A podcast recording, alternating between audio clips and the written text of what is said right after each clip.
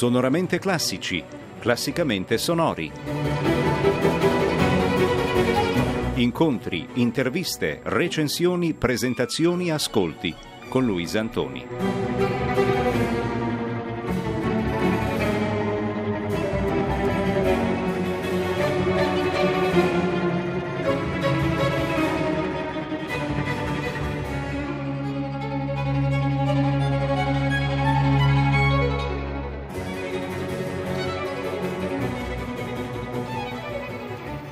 Ascoltatori ed ascoltatrici, bentornati.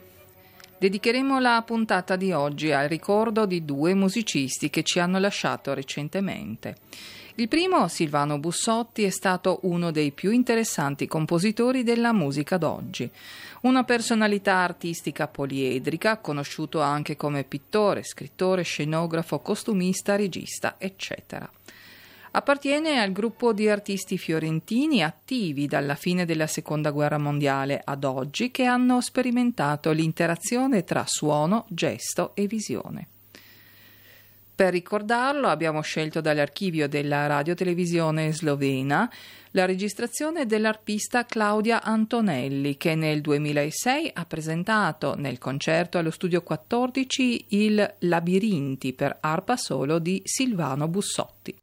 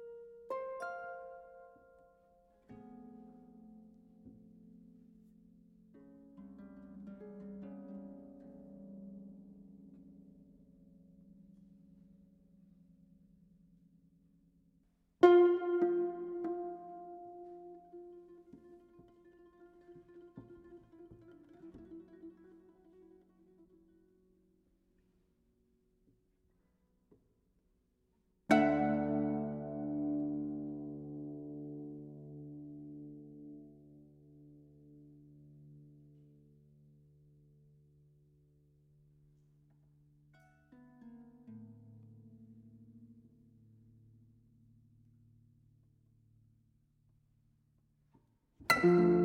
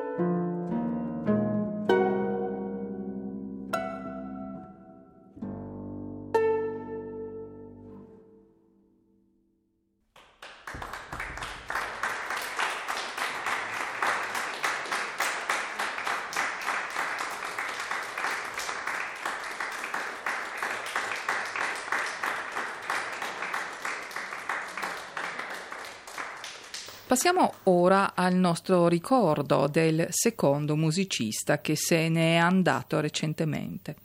Si tratta del maestro Aldo Danieli che molti hanno conosciuto come Adi Daneo. Daneo Danieli è stato per molti anni maestro di palcoscenico e direttore di coro in diversi importanti teatri del mondo operistico. Nato e cresciuto a Prosecco, il suo interesse per la musica è stato sin da subito molto forte, tanto da farlo frequentare il Conservatorio Giuliano per studiare pianoforte e composizione. Finito l'apprendistato ha trovato impiego al Teatro Verdi di Trieste, da cui poi è passato alla Fenice di Venezia, all'Arena di Verona, al Massimo di Palermo per arrivare alla San Francisco Opera House. Ritiratosi dalle scene, ha voluto continuare a collaborare con la coralità del mondo sloveno dell'altipiano, curando diversi progetti concertistici. Ecco un breve estratto dall'intervista che gli avevo fatto nel 2015 in occasione di un documentario realizzato dai colleghi della RAI di Trieste. Un momento molto toccante, molto bello di questo documentario è stato il racconto di questo suo incontro e anche di questo suo percorso fatto assieme a Carlo Cossutta, un tenore di fama internazionale che lei ha incontrato, rincontrato dopo esservi conosciuti da ragazzi ragazzi. Sì, sì, certo. Noi ci siamo conosciuti dopo la guerra perché andavamo a scuola a Trieste e non c'erano collegamenti con gli autobus al Carso, ma solamente la ferrovia che da Duino portava a Trieste. E allora lui andava a Santa Croce, io andavo a Miramare, eccetera, e ci trovavamo sul treno quando stava a scuola. Poi lui è sparito a un certo momento, sono passati 20 e più anni forse, io ormai ero impiegato alla Fenice come maestro collaboratore e un giorno mi chiama il maestro Labroca che aveva un pochettino, devo dire, un debole per me, no? Perché sempre mi chiede vieni qua, vedi un po' quella soprano, fai, mi faceva fare tanti lavori così un po' come dire in fiducia. E dice, vieni, c'è un tenore americano che vieni, va, vai, vado lì, forza del destino. Lui canta, ma dico guarda un po', dico, mentre suonavo, dico guarda un po' sto tenore americano come pronuncia bene l'italiano e come fraseggia bene l'italiano, una rarità anche per i grandi cantanti americani, è sempre un piccolo problema. Tanto è vero che quando ha finito io gli ho detto, dicevo, bravo, bravo, where are you from? E lui mi guarda e dice no, no, ma dice io non sono americano, sono argentino. Ah, allora l'altro ha detto americano, l'americano si pensa sempre agli United States, no? Ah, così, ah beh sì, sì, ma parlava bene l'italiano, dico sì, eh, però eh, sono originario a Trieste, Trieste, ma anch'io sono triestino. Allora, e come ti? Allora lui mi guarda, ah, dice, io so chi sei, no? E ci siamo riconosciuti, ci siamo abbracciati e quando la broca dal, dalla platea è venuto sul palcoscenico per parlare con lui, ci ha visto, dice, ma come, ma lo conosci? Ma certo che lo conosco, da tanti anni. È stato un incontro, siamo rimasti poi 20, fino alla morte sua abbiamo sempre lavorato insieme, lui veniva tutte le opere, tutto quello che cantava l'ha studiato e veniva spesso anche a, a ad ascoltare le mie lezioni con gli altri cantanti, dava qualche consiglio. Insomma era una persona veramente eccezionale, innamoratissimo del canto, del suo lavoro, devo dire super professionista. Le dirò solo questo e concludiamo. Quando ho cominciato a fare il direttore del coro, finiva la prova, dicevo signori, grazie, arrivederci, alla prossima. E io andavo via e la gente rimaneva ancora lì a chiacchierare in sala prova i cantanti. Dopo 35 anni quando la prova finiva eh, io mi alzavo e dicevo grazie, quando, dicevo, quando pronunciavo gra erano già tutti in piedi e quando dicevo zie erano già tutti fuori. No? La differenza in 35 anni, diciamo, come sono cambiati i tempi molto. Una volta il teatro era più vivo, sa? Eh, c'era più vita, più... era quasi come delle grandi famiglie. Questo oggi paura non, non, non c'è più.